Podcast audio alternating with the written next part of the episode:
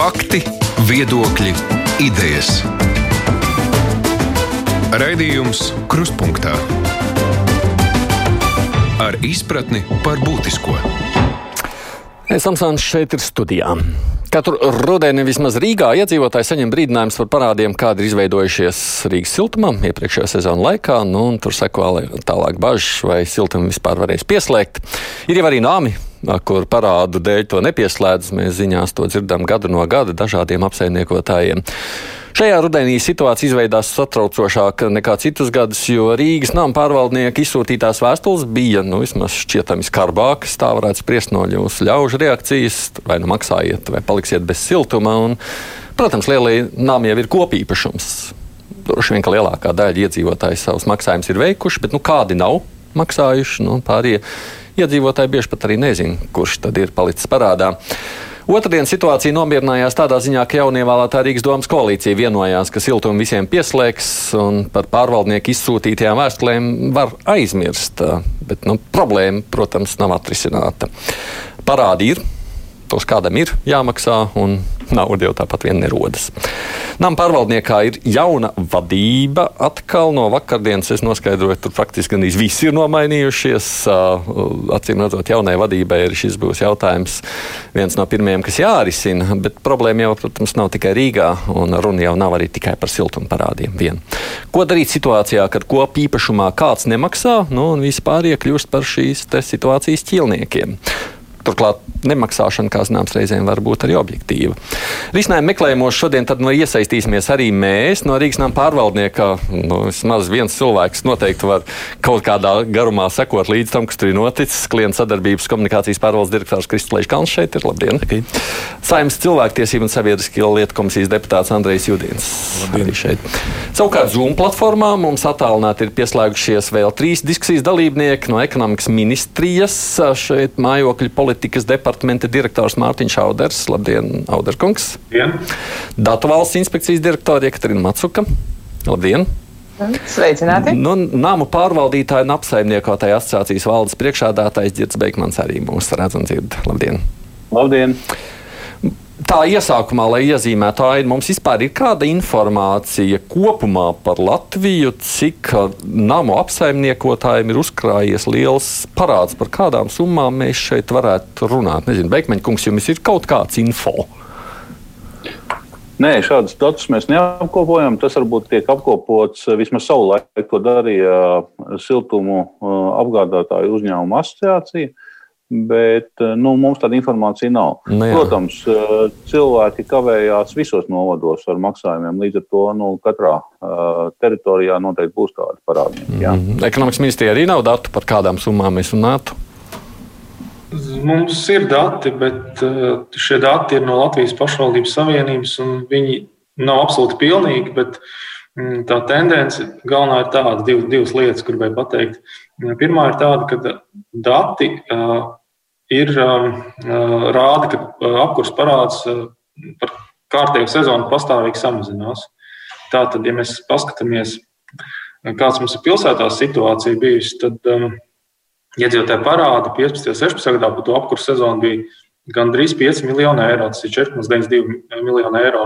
Pēc gada viņi jau bija samazinājušies par kārtējo apkursu sezonu līdz 4,37 miljoniem eiro. Bet runa nav tikai par apkuri. Ja es jautātu vispār par parādiem, jums ir apsaimniekošana, ūdens piegādes, kanalizācija, UTT.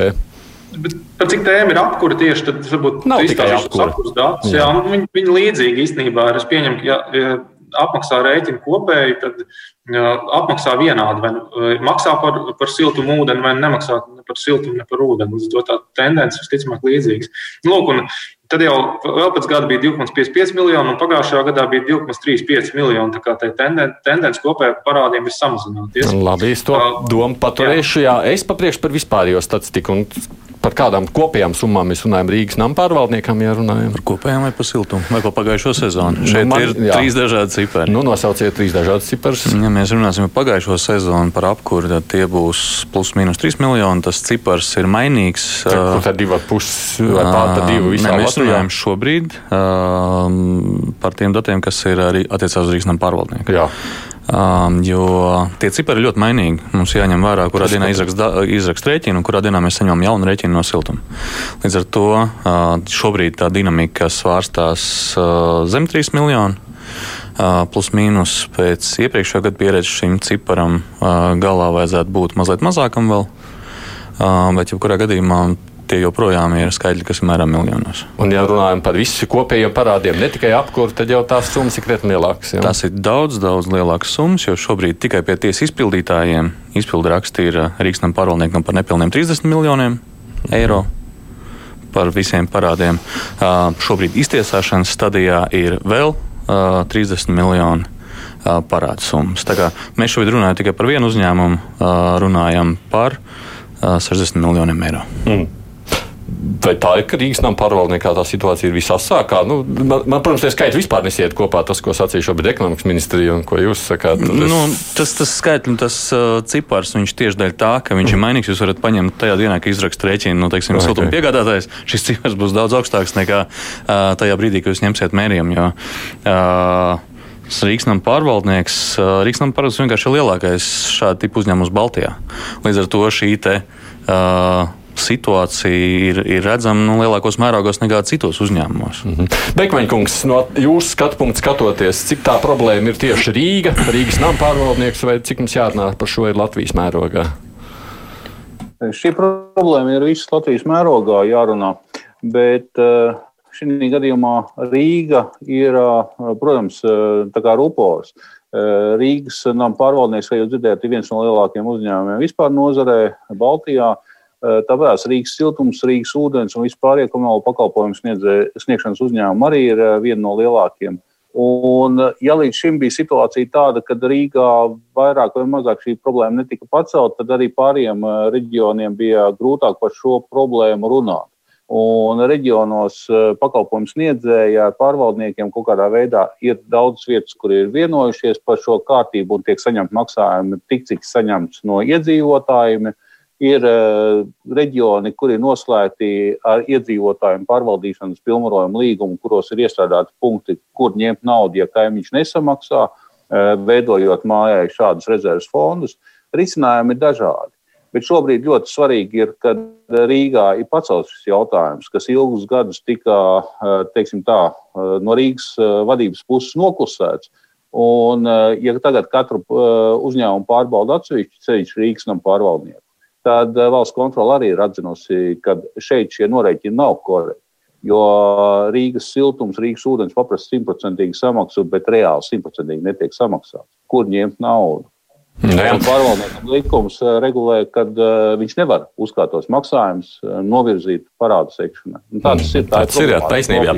Jutinkungs, tā kā mēs Jūs aicinājām šeit studijā vispār raidījumā piedalīties. Mums jau tas jautājums bija no tīra cilvēktiesību viedokļa. Tāpēc jūs komisija pārstāvētā un jūs kā jurists esat šeit dubultā zinoši par šo.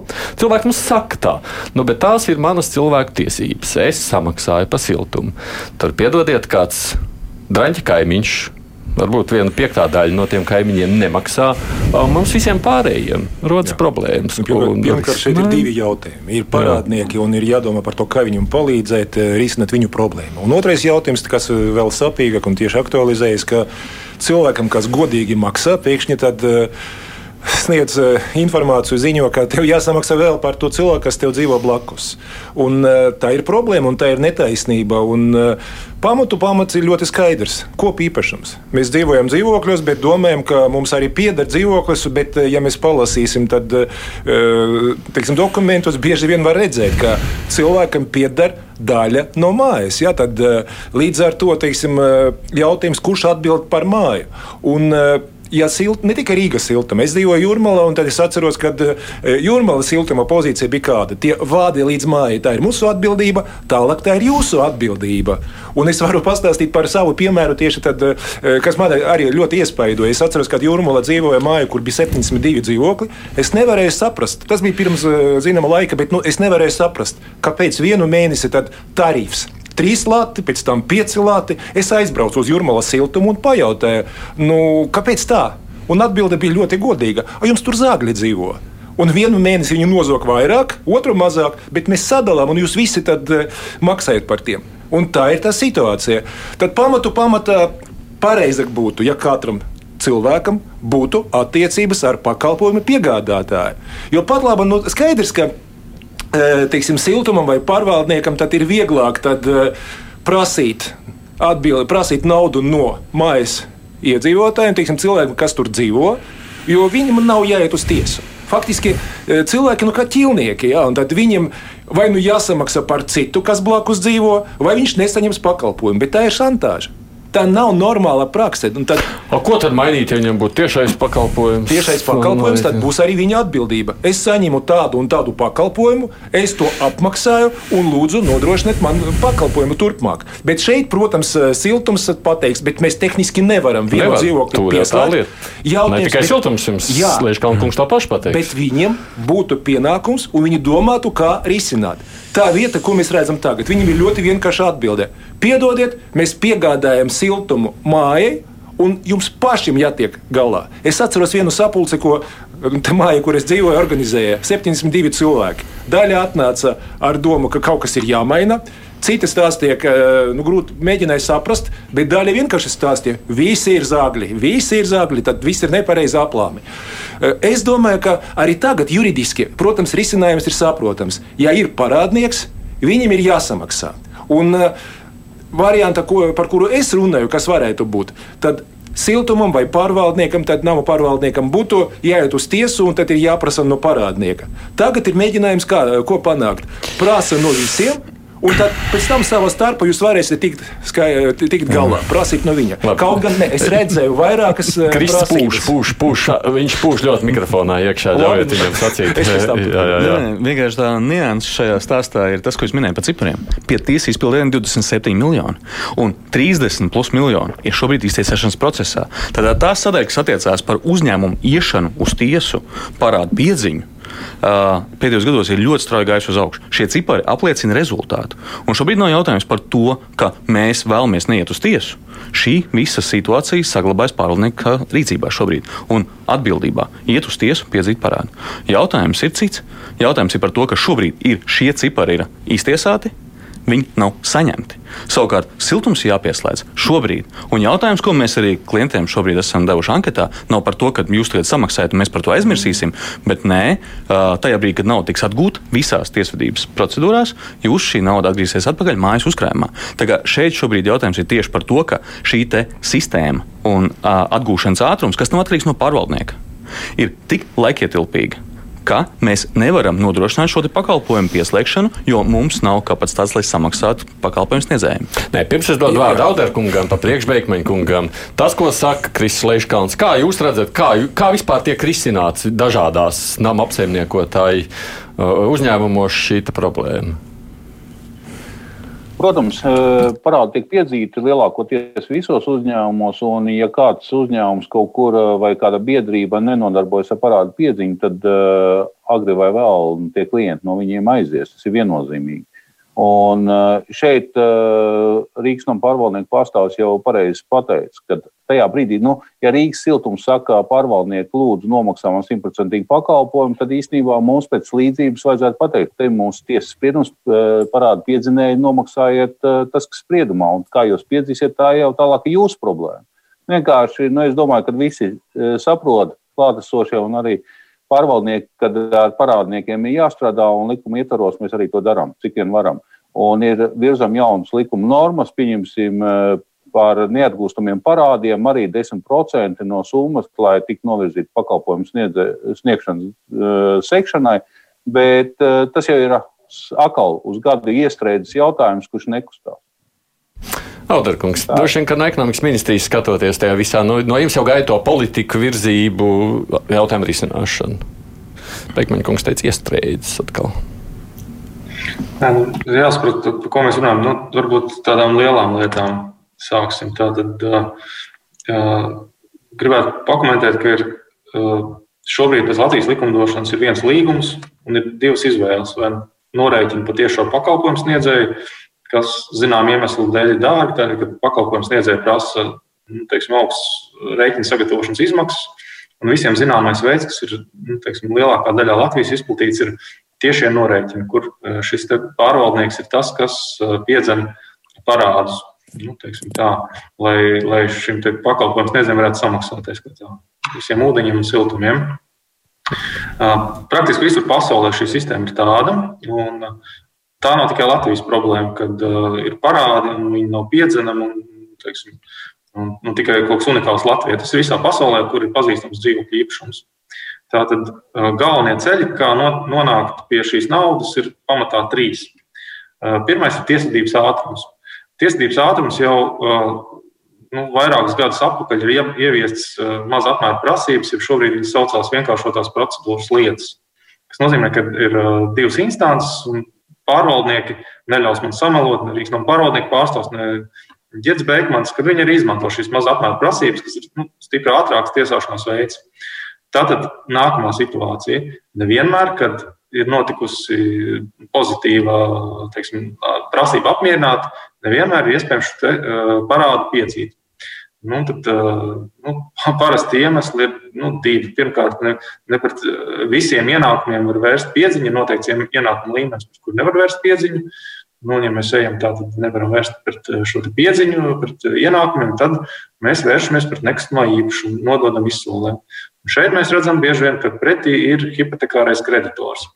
Un visa pasaules prakse runā par divām galvenajām lietām, kas būtu jānodrošina, lai nodrošināt stabilu naudas plūsmu, vienalga vai nu pakalpojumu sniedzējiem, kas tiešo norēķinu gadījumā tiesājās ar parādniekiem, vai pārvaldnieku gadījumā, kas tiesājās ar parādniekiem, ir jānodrošina naudas samaksa gan brīvprātīgas īpašuma atsevināšanas gadījumā, tas ir, ja pārdod dzīvokli brīvprātīgi, parādi būtu jāsamaksā, gan piespiedu atsevināšanas gadījumā, tad, ja ir hipoteka un tiek šis īpašums nodots izsolēm. Tātad Par divām institūcijām gribēju parunāt. Ja nemaldos, pāris gadu atpakaļ mēs saimē piedāvājam principu, ka pārdodot uh, īpašumu, uh, parāds seko nu, šim īpašumam, tas netika atbalstīts. Uh, desmit gadu atpakaļ mēs piedāvājām principu, ka ir noteikts procentuāls apmērs, kas tiek ap, no pārvaldīšanas izdevuma komunālo pakalpojumu prasījumiem, kas tiek, kas tiek apmierināts pirms hipotekārā kreditora. Pirms desmit gadiem tas tika noraidīts. Šobrīd tas ir atrasts dzirdīgas ausis, jo visi saprot situācijas nopietnību un sadarbībā ar Tieslietu ministriju. Juridiskajā komisijā ir iesniegts likumprojekts grozījums civilu procesu likumā. Es domāju, ka nozarei tas ir absolūti kritisks likumprojekts. Un, nu, Tikai šo jautājumu sakārtojot, mēs varēsim šo parādu nastu kaut kādā ziņā mazināt. Tie ir, teiksim tā, nekas jauns nav jāizdomā.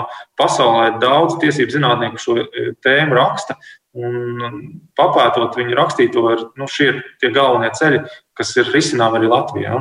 Tas, ko saka Kaudarkungs, tas būs risinājums kaut kāds? Tie ir risinājumi. Ja mēs runājam par to, ka parāds seko īpašumam, tas ir diezgan tāds universāls līdzeklis, kas varētu līdzēt šo jautājumu sakārtošanai. Tostarp arī otrs risinājums - tie ir risinājumi, kas varētu līdzēt. Mhm. Šeit ir jautājums par to, cik ātri tas varētu būt ieviests un kāda būs nākotnes ietekme. Mhm. Beigmeņkungs. Jā, tas ir jautājums, tieši par ko es arī minēju. Un, uh, pēdējā reize, kad saimē zinu viņu skatīt, tas ir uh, šī gada kaut kur pats sākums vai pat pagājušā gada beigas. Bet uh, tagad jau mēs esam novirzījušies uz tēmu, kā atgūt parādus, kā tas vispār ir iespējams. Bet sarunas sākumā jau mums tēma, bija varbūt pakalpojums sniedzējiem pašam jādomā, kā dabūt savu naudu, nevis vienkārši ar izspiešanu nodarboties katru rudeni. Es domāju, ka tā ir sarunas tēma galvenā. Bet, bet jūs arī piedāvājat, nu, redziet, Rīgas nama pārvaldnieks viena no tām lietām, kas tur tika apspiesta, nu, lai paši slēdz patiešo vai ne ar pakalpojumu piegādātāju. Jūs arī saviem klientiem piegād, piedāvājat līdzīgu risinājumu, Beigmiņkungs. Es piekrītu Rīgas pārstāvju presē rakstītam nu, viedoklim, ka, ja katrs pakalpojums sniedzējs un pārvaldnieks atsevišķi tiesāsies ar vienu parādnieku, tie būs lieki izdevumi un tā tālāk. Pilnīgi piekrītu. Bet tajā pašā laikā, ja uh, pakalpojums sniedzējs lielākoties Latvijā, es gribētu teikt, saprot, ka uh, parāds nav simtprocentīgi, nu, maksājumi simtprocentīgi netiek apmaksāti, tad viņš arī pieļauj, ka uh, netiek veikta simtprocentīgi noreikņi par pakalpojumu. Bet tad notiek diskusijas starp pakalpojumu sniedzējiem un pārvaldniekiem. Pārvaldnieki dod informāciju, kuri īpašnieki cik nav parādā, ja grib pakalpojumu sniedzējs var šo informāciju pārbaudīt un, pārbaudīt un tā tālāk. Bet, ja šī diskusija nenotiek un no varas pozīcijām pakalpojums sniedzējs pasakā, es neko nezinu, es mājā esmu piegādājis siltumu, lūdzu, norēķiniet simtprocentīgi, nu, tā ir, man liekas, tāda, nu, kā jau es minēju, izspiešana.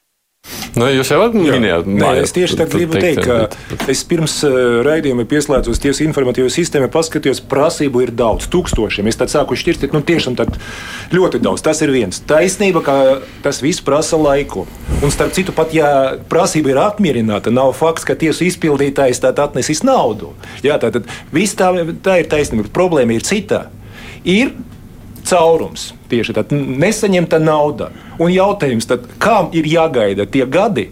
Un pat labi izveidoja situāciju, daži, daži aizstāv, ka ir normāli, ka līdz cilvēki, kas piespiedu kārtā, teiksim, tā bija salauzta un dzīvo tajā mājā, lai viņi atbild, jo viņi taču kaimiņi. Un viss tas ir juridiski skaisti noformēts. Jūs esat kopu īpašnieki. Es atvainojos, bet kurš izvēlēja sev to kaimiņu? Nu, tā sanāca, ka viņi dzīvo kopā. Un juridiski viss ir smuki bet pēc būtības cilvēku var šantažēt un stāstīt. Siltuma nebūs. Tas nav normāli. Un tāpēc, manuprāt, ir jādomā par to nevis lai tie īpašnieki veidotu kaut kādu rezerves fondu, lai gadījumā, ja kāds izdarīs nepareizi, tad lai no tā fonda paņemtu naudu. Bet lai tieši siltums un pārvaldnieks domā, kā tad eh, nodrošināt pieziņu, jo pat labi jo, teiksim, pārvaldnieka ieinteresētība nav tik liela. Jo viņš saprot, ka var galu galā piežmiegt atvainojas visus iedzīvotājus un no viņiem prasīt. Kad tādas iespējas nebūs, ticiet man, tad procesi būs raitāki un būs labāks rezultāts.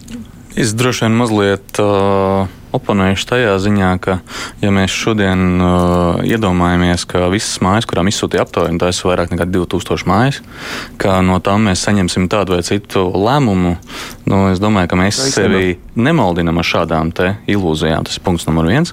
Punkts numur divi. Uh, ja jūs domājat, ka šis bija viegls lēmums pārvaldniekam, uh, augustā izsūtīt lielākajai daļai klientu šāda veida informāciju. Nē, absolūti nē. Tas, par ko mēs šobrīd runājam, arī klients informējam, ir tas, ka šobrīd nav citas izējas no mūsu skatu punkta. Tātad tiesvedības, visas, ko jūs minējāt, ir ļoti daudz. Šīs summas ir lielas. Atgriešanās procents un naudas atgriešanās ātrums ir vienkārši nesalīdzināms. Savukārt, ja mēs skatāmies ārā, tad kalendārā mums ir septembris. Un tūlīt tas būs oktobris. Tad tas ir brīdis, kad ir jāizslēdz apkūra. No Rīgas siltuma puses šobrīd mēs saņemsim ļoti vienkāršu skaidru atbildi. 100% samaksa par iepriekšējās sezonas uh, patērēto siltumenerģiju. Bet risinājums ir pieteikts. Siltumam līgums ar katru patērētāju. Ja kāds nemaksā, no, jā, tas, tad. Uh, Labi, es šos risinājumus esmu sadzirdējis. Ir vēl viena lieta, kur iemesla dēļ mēs esam šeit no datu inspekcijas arī aicinājuši iesaistīties. Un, uh, par to arī gribu jautāt. Tā ir savukārt tāda iedzīvotāju es nezinu, to par labo gribu varbūt nenosauksim, bet tādu vēlmi nu, pašiem mēģināt risināt. Tad, kad viņi saņem šādu vēstuli, viņi saka, kurš dzīvoklis tas ir. Jā, gribam zināt, mēģināsim skaidroties, kas ir par iemeslu. Un tad viņiem saka, nē, tā informācija jums nav pieejama, tāpēc, ka tas jums jāsargāj datu.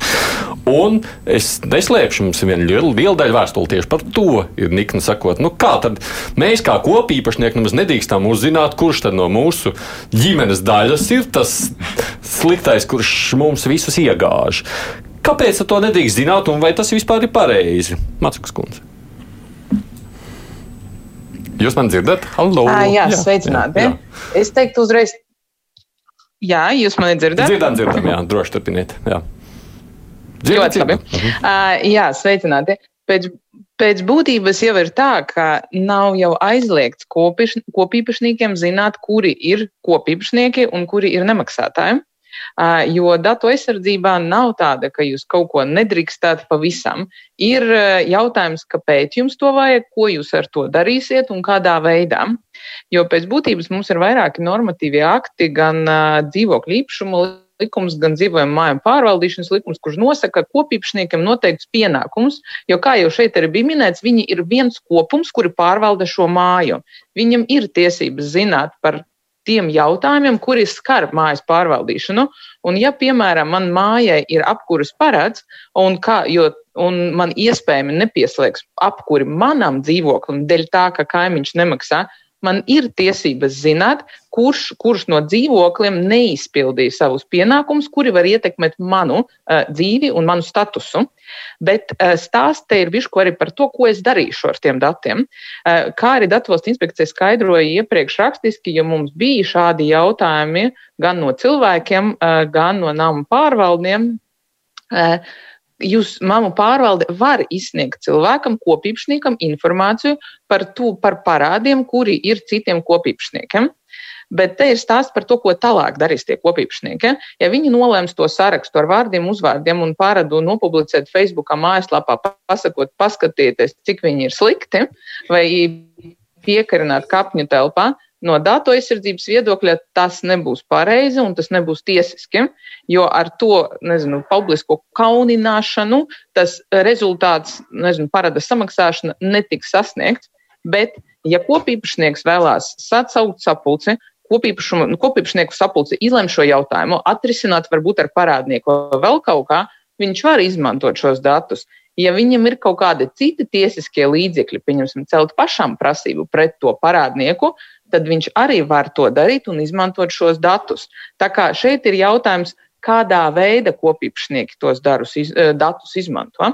Mums ir zvanījuši cilvēki un sacījuši, viņi zvana uz Rīgas nama pārvaldību, grib zināt, Viņam saka, nē, ne, nesaka to informāciju. Nu, es do, droši vien gribētu dzirdēt precīzāk, kuriem tas ir teikts, jo Rīgas nama pārvaldniekā ir izstrādāta speciāla kārtība no. šo nu. datu saņemšanai.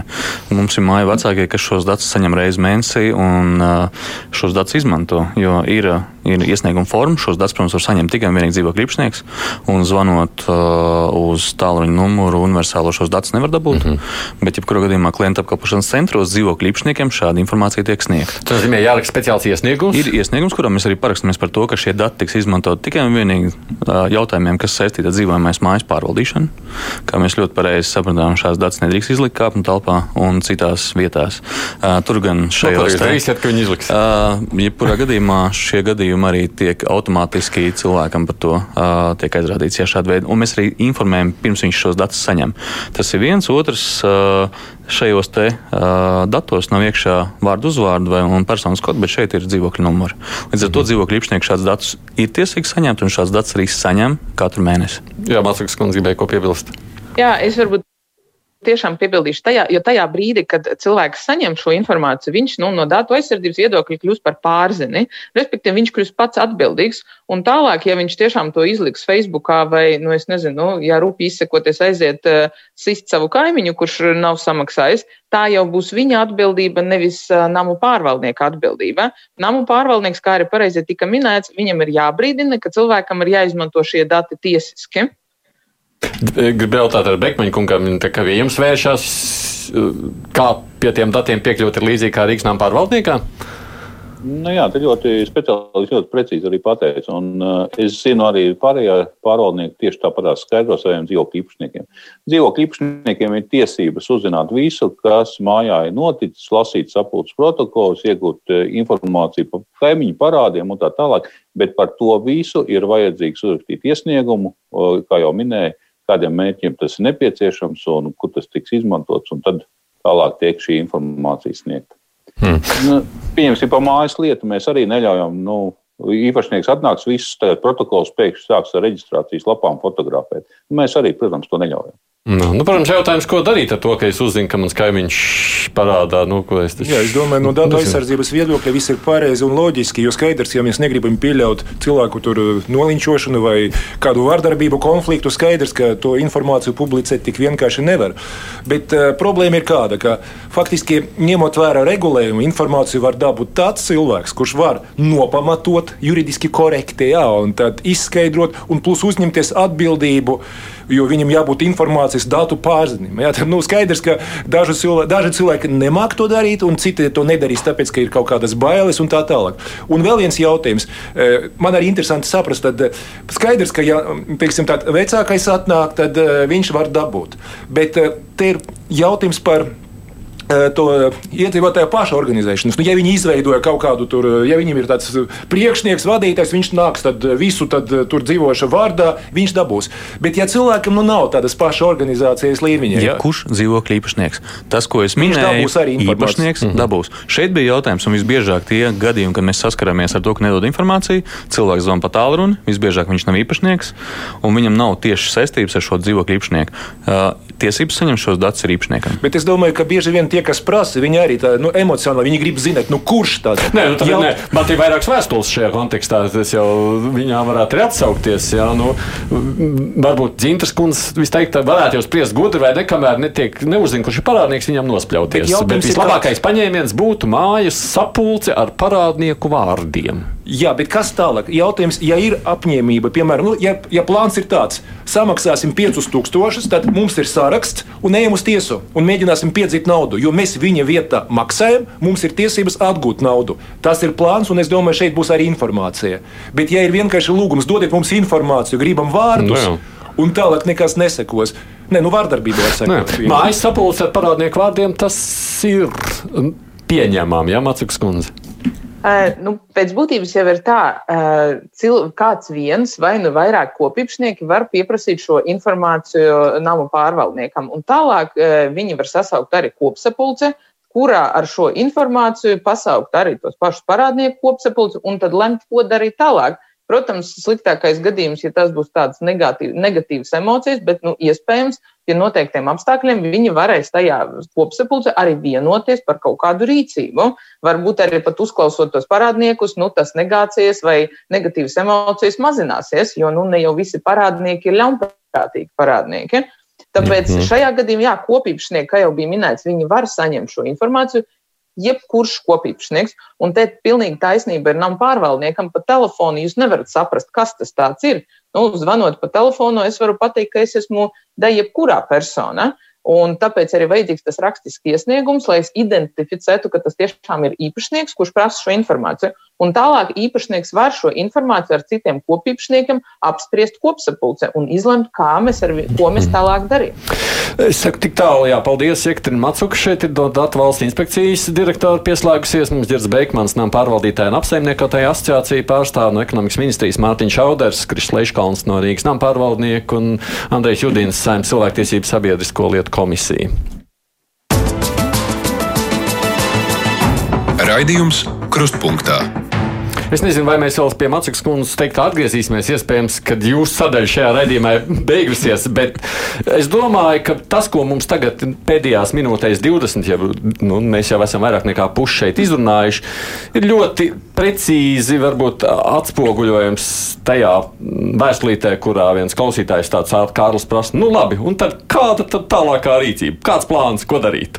Tā pavisam vienkārši. Nu, viena lieta jūs teicāt minēt. Nu, es domāju, pirmais solis nevajadzētu cilvēkus biedēt. Ja, tas, ir, nu, tas nav pieņēmams. Es sapratu, jūs rakstat pieklājīgas vēstules, saucat par aptaujām un brīdinājumiem. Es sapratu, ka tur ekonomiskais pamats bet nedrīkst cilvēkus biedēt. No kaut kā taču vajag uz priekšu. Nē, nu, piedodiet, var stāstīt pārkāpējiem, ka tev būs kaut kāda sodi, bet cilvēkam, kas dzīvo blakus, pie tam juridiski to nu, nu, korekti noformējot, jūs esat taču līdz īpašnieki, ja, un tad līdz ar to jums jāuzņemas atbildība. Tas ir pirmais. No, jo, vēstulē aizmirstam, jā, kā teica tur jaunā komisija. Otra lieta, tad principā, manuprāt, ir jādomā par to, lai katram būtu atbildība par to, ko viņš patērē, ja, un tad vai mēs esam gatavi iet šo ceļu. Ir skaidrs, ka tur tas nav tik vienkārši vienkārši. Jo ir kopīgas komunikācijas, par kurām nu, neviens negrib atbildēt. Katrs grib, lai viņam būtu ūdens, kārsts, jā, tad, bet viņš negrib, lai doma par to. Bet, ja es pareizi saprotu, Rīgas nama pārvaldnieks arī piedāvāja tajā vēstulē. Es neesmu rīznieks, tāpēc es jā. tikai no atskaites dzirdu. Piedāvāja tieši par tiešo slēgtu. Jā, līgumu. šis piedāvājums ir aptaujā par tiešiem norēķiniem, un es, protams, Judinkungam nedaudz oponēšu, jo mēs, protams, varētu informēt tikai un vienīgi parādniekus, bet jāsaka, ka siltuma nepieslēgšana skars arī tos, kuri nav parādnieki. Un mūsu uzdevums, un šajā gadījumā arī dzīvokļu īpašniekam, ir tiesības zināt, ka šāds risks pastāv. Šeit nav jautājums par biedēšanu. Ja, uh, jo Biedēšanas beidziet šo sadaļu. Es jautāju tālāk, ejot uz priekšu. Nu, labi, tiešos noslēgums, bet tas ir tāda paša iedzīvotāja izvēle. Jā, vai ne? Viņam jau īstenībā no vienas puses ir vienalga, vai viņš slēdz līgumu ar jums vai ar citiem. Cik tas nav. maksā? Cik tas maksā? Tikai sapratu, ka, kur bija rakstīts, ka jums būs jāmaksā papildus tur divi vai trīs lati. Tāpēc kā Rīgas siltums pieprasīs vairāk. Droši vien atbildēšu par to, ka jau 5 gadu atpakaļ šīs aptaujas tika veikts par tiešiem norēķiniem. 5 gadu atpakaļ nekādas popularitātes nebija. Rīsnam pārvaldniekam nav šāda māja. Dzīvokļu īpašnieki pirms pieciem gadiem šādu ceļu neizvēlējās, un cik es saprotu, visā Rīgā ir vesela viena māja, kurai ar siltumu ir tiešie norēķini. Tā kā šī brīža mūsu piedāvājums pat ir vairāk saistīts ar to, ka dzīvokļu īpašnieki izvēlēties šo risinājumu, lai būtu atsevišķs rēķins tieši par siltumgrūtu vieglāk menedžēt, kurš ienāk, pienāk ātrāk nekā pārvaldnieka rēķins, un viņš ir saistīts ar to, jo Judinkunga vēlme pieslēgt individuāli katram savu šo gala noslēgumu, lai varētu individuāli pieslēgt vai atslēgt pakalpojumu, ir ļoti apsveicama, bet tehniski to var realizēt tikai vienīgi dzīvokļu īpašnieki, pilnībā pārbūvēt apkursu sistēmu. Kaut vai varbūt ne nebūtu, nepā, es vēl nākošajam prasīšu, kaut vai nebūtu tādas lietas, nu, cilvēki jau gatavoties raidījumam sūtīja arī informāciju, kurā ir jautājums, kā jūs teicāt, labi, tie parādi var atšķirties. Rīgas siltums saka vienu summu, jūs sakāt citu, sakāt nomaksāts, bet tās summas ir diezgan lielas atšķirības. Te ir, piemēram, Vangaža iela 12, Rīgas siltums saka, pāja parādā 227. Jūs esat atsūtījuši 946, kas ir gandrīz vairāk nekā trīsreiz, gandrīz četrkārt lielāka. Tur var vīksnes gatave, uh, droši vien, ka viss mājas, nezinu, vai es drīkst pat adresi saukt, 14, tūkst, ne, 1444, jūs sakāt, reālais parāds ir mazāk nekā 600. Nu, proti, tās summas jau arī šobrīd ir tikpat jautājumu zīmes cilvēkiem. Ja būtu tiešais noslēgums, tad tad nebūtu tas problēma. jautājums ir saistīts tieši ar to rēķinu apmaksu. Es apsīsies lielai mājai, kurā ir 120 dzīvokļi. Tātad šī summa mainās tūkstošos tajā brīdī, kad iestājas rēķina apmaksas datums. Četrkārtīgi uzreiz. Visu laiku arī parāds, parāds, parāds, un pēkšņi tur ir jāapstāsta ļoti precīzi, kurā brīdī šie dati tiek skatīti. Un precīzākie dati, protams, ir Rīgas siltuma mājaslapā. Beigmaņkungs, jūsu savukārt apsaimniekotajiem namiem ir citās vietās noslēgtie tiešie līgumi ar piegādātājiem pakalpojumu. Jā, nu, Latvijā ir arī gadījumi, ka ir tieši līguma ar pakalpojumu sniedzēju, un uh, pakalpojumu sniedzējs uh, ir gadījumi, kad izraksta pašu savus rēķinus, paši arī iekasē un tā tālāk. Ir situācijas tiešos norēķinos, kur pakalpojumu sniedzējs uh, organizē sarunas ar dzīvokļu īpašniekiem un mudina nomaksāt rēķinus. Ir, kur tiek iesaistīti pārvaldnieki. Nu, šie piemēri ir daudz un dažādi bet lielākoties eh, norēķini notiek ar pārvaldnieku starpniecību. Eh, es saprotu, Audarkungs, jūs par šo nepārāk ne optimistisks bijāt, sakot, ka tas būs dārgāk vienkārši. Jā? Nē, nu, atklāti runājot, tiešie norēķini pret uh, norēķiniem ar pārvaldnieku mainīt tikai vienu aspektu. Uh, pārvaldnieks nebūtu iesaistīts un pārvaldniekam nebūtu jādomā, kurš šo, nu, šos līdzekļus dabūt. Citā aspektos nekas nemainītos arī šobrīd visā Latvijā runa ar savu normu, ka, eh, ja ir objekts parādā, tad eh, siltums var netikt pieslēgts. Bet tas, ko sacīja Judīkungs, varbūt tādā gadījumā. Pa pakalpojumu piegādātājs meklētu pats izmisīgāk kādus risinājumus, nu kā, es nezinu. Kādus tur var atrast? Individuālos, nu, kaut kādas pieslēgumus, lai tur nav jāatslēdz visai mājas siltums, tikai tam konkrētam dzīvoklim vai kaut kā tā. Mm. Tas bija jautājums. Jā, nē, es domāju, jā, nu, tādā ziņā, vai tas nestimulētu. Jūs sakāt, ka tas protams, neapšaubām, ka nu, jebkurā cilvēciskā attiecībā būtu tikai normāli, ja tas, kas pārdod pakalpojumu, iet arī pēc naudas. To nedara kāds starpnieks, un tas ir normāli. Bet, diemžēl vēsturiski ir iegājusies situācija, ka uh, ir iesaistīts pārvaldnieks šajā procesā, ka šo naudu uh, pēc pieprasījuma viņam jāpiegādā ar 100% apmērā, kas ir absolūti nereālistiski, jo ir skaidrs, ka pie pat ļoti labas maksātspējas netiks samaksāts. Nu, tā, tā, tā, tas ir tā, tā sāls tajos tiešajos vai netiešajos norēķinos. Bet, um, kā jau iepriekš minēju, tā nemaksāšanas problēma ir universāla pilnīgi visās valstīs. Šeit ir jādomā, kā tam, kurš uh, šo naudu savāc, kā atvieglot dzīvi ar dažādiem procesiem, ar dažādiem iespējām, kā nodrošināt šīs saistības. Uz to ir jāstrādā. Tas jautājums, kurš viņu pārdod, protams, nu, ir, ir, ir svarīgs, bet viņš ir nu, šajā gadījumā sekundārs jautājums. Un īstenībā viņš varētu interesēt tikai un vienīgi pārvaldniekus, kā, nu, teiksim, kā mazināt slogu uz savu uzņēmumu, kas ir tikai dabiski. Nu, jā. bet īpašniekiem viņš īsti nepalīdzētu. Bet tas vienīgais jau risinājums, nu, tādā normālā cilvēciskā valodā, taču ir kaut kāds, nu, nezinu, kā, nu, ne, neviens nekur naudu nevar sagad, sadabūt tāpat. Ne? Nu, kaut kāds uzkrājums, no kā tad tu ne, mēģini operēt, nav jau cits. Kam tad ir jāgaida tā nauda? Es neaicinu tieši tādu pārbūvēt visu infrastruktūru un katru dzīvokli atsevišķi pie, pieslēgt siltumam. Jautājums par to, ka pat labi esošais regulējums ļauj prasīt no tiem cilvēkiem, kas dzīvo blakus, un to izmanto. Mums ir galvas sāpes, Mēs negribam, lai tikai mums būtu tas sāpes, mēs gribam, lai citi risinātu, kaimiņi proti. Te ir problēma. Manuprāt, ja kāds sniedz pakalpojumu, un kāds, kas saņem šo pakalpojumu, neapmaksā, nu tad viņam arī jānodarbojas ar naudas piedziņu. Tā ir viņa Bet, problēma. Kamēr viņš to nav izdarījis, tikmēr jau kādam ir jāmaksā. Jo, jo kaut kur jau to pakalpojumu arī izmaksā. Bet, bet ne tiem, kas dzīvo blakus, manuprāt. Nu, kam tad? Nu, jāmaksā tām uzņēmumam, kas sniedz pakalpojumus. Jā, nu, kamēr... Bet te ir viens tāds retorisks jautājums, droši vien, no kurienes tam uzņēmumam, kas sniedz pakalpojumu, rodās nauda.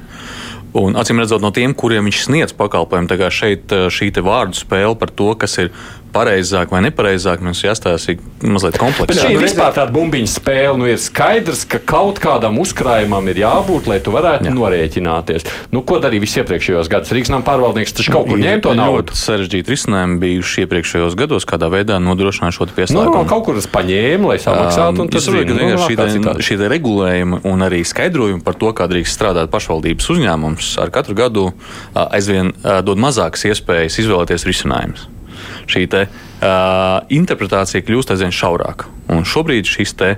Uh, Esošā situācija ir ļoti vienkārša. Mēs samaksājam. Jūs varējāt vēl no tiem uzkrājumiem, bet tagad Nē, nevarat. Tie nav uzkrājumi. Uzkrājumiem nav ņemts nekad, jo uzkrājums Jā. ir uh, neaizskarams, un šeit vienīgie, kur drīkst lemt par uzkrājumu izmantošanu, ir dzīvokļu īpašnieki.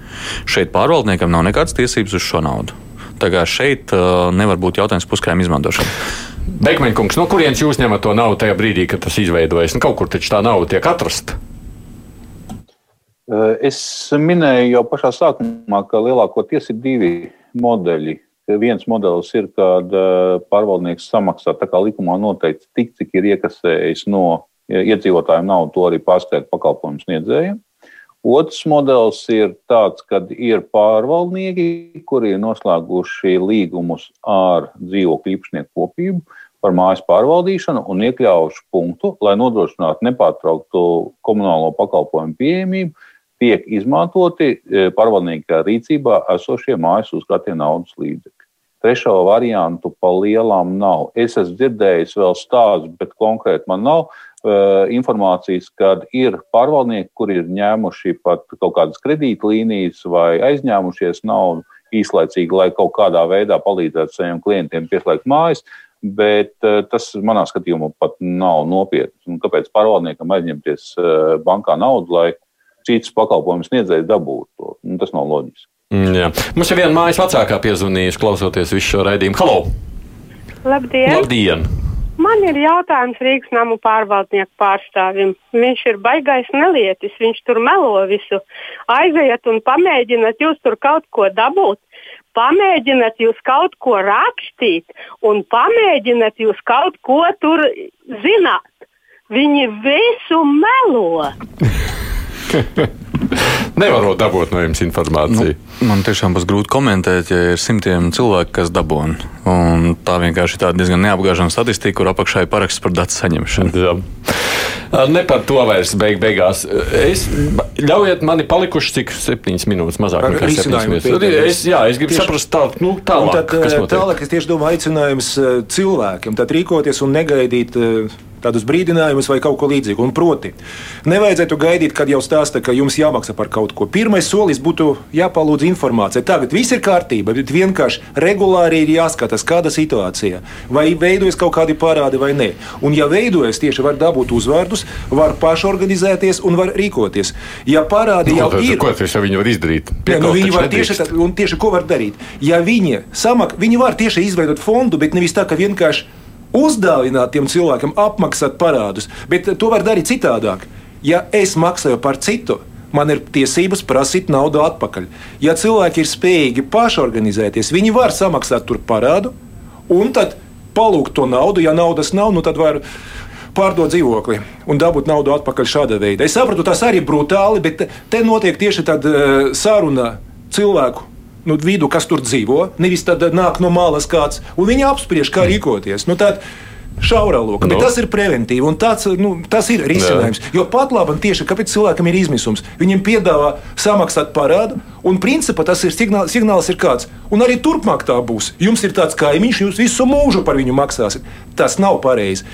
Vienreiz var samaksāt, pēc tam Ar jau vienreiz negribas maksāt, tas arī, nu arī ir skaidrs. Nu, tā otra lieta, ko savukārt sacīja ekonomikas ministrija, to, tas virzītais uz sājumu par to parādu piedziņu. Nu, nu, tas, nu, tas palīdzētu būtiski. Jebkas, kas jebkas, kas nodrošinās līdzekļu ātrāk atgriešanos pie pakalpojumu sniedzēja, palīdzēs uz priekšu. Cik mums šobrīd ir laiks paiet, kamēr mēs tiekam pie līdzekļu atgriešanas? Mēs runājam par gadiem, mēs runājam par gadījumiem, kur cilvēkam tā teikt ir izpildraksts, bet no viņa nav ko paņemt. Un tas var vilkties ne gadu, ne divus, bet stipri ilgāk. Un šajā gadījumā joprojām mēs runājam par to, ka pārvaldniekam jānodrošina pakalpojums. Līdz ar to šī situācija, kurā būtu jābūt buferim, jeb kaut kāda veida starposmam, kas palīdz nodrošināt pakalpojumu pieslēgšanu, katrā reizē nelemjot pašiem dzīvokļu īpašniekiem, acīm redzot, ir jābūt. Tur nav likumdevēja jautājums, tas ir drīzāk attiecības starp. Tas drīzāk ir šobrīd likumdevēja jautājums, ir jo, ja mēs raugāmies ļoti precīzi, tad mums ir uzdevums pārskaitīt visu, ko mēs saņēmām par siltumērģiju Rīgas siltumam. Mēs to arī izdarām precīzi, kāpēc, kāpēc, kā norēķiniet katru dienu. Uh, un tajā brīdī, kad klients nesamaksās 100%, nu mums tiek prasīts samaksāt šo starpību, ko mēs darīt nedrīkstam. Šis ir tas liekulības tirgus pats paraugu demonstrējums, kad no mums prasa samaksāt, mēs esam aizskaitījuši visu, ko esam saņēmuši, un ir starpība. Mm. Un mums nepieslēdz, kamēr nav 100% apmaksa. Tātad šī te, uh, marža normatīvos aktos nav paredzēta. Vai ekonomikas ministrija par buferu arī domā, vai tik, mēs runājam par šo parādu piedziņu? Nu, jā, ļoti labi iepriekš tika iezīmēta tā problēma, ka ir vajadzīgs kaut kāds buferis. Nu, tad ir trīs varianti, kam šis buferis jānodrošina. Pirmais variants - dzīvokļu īpašnieku kopībai, kas ir šī, šī brīža likumdošana. Tā, tā tiešām ir un augstākā tiesa arī ir uh, norādījusi spriedumā pagājušā gada SKC gan katra īpašnieka pienākums, gan pārvaldnieka pienākums, gan kopības pienākums.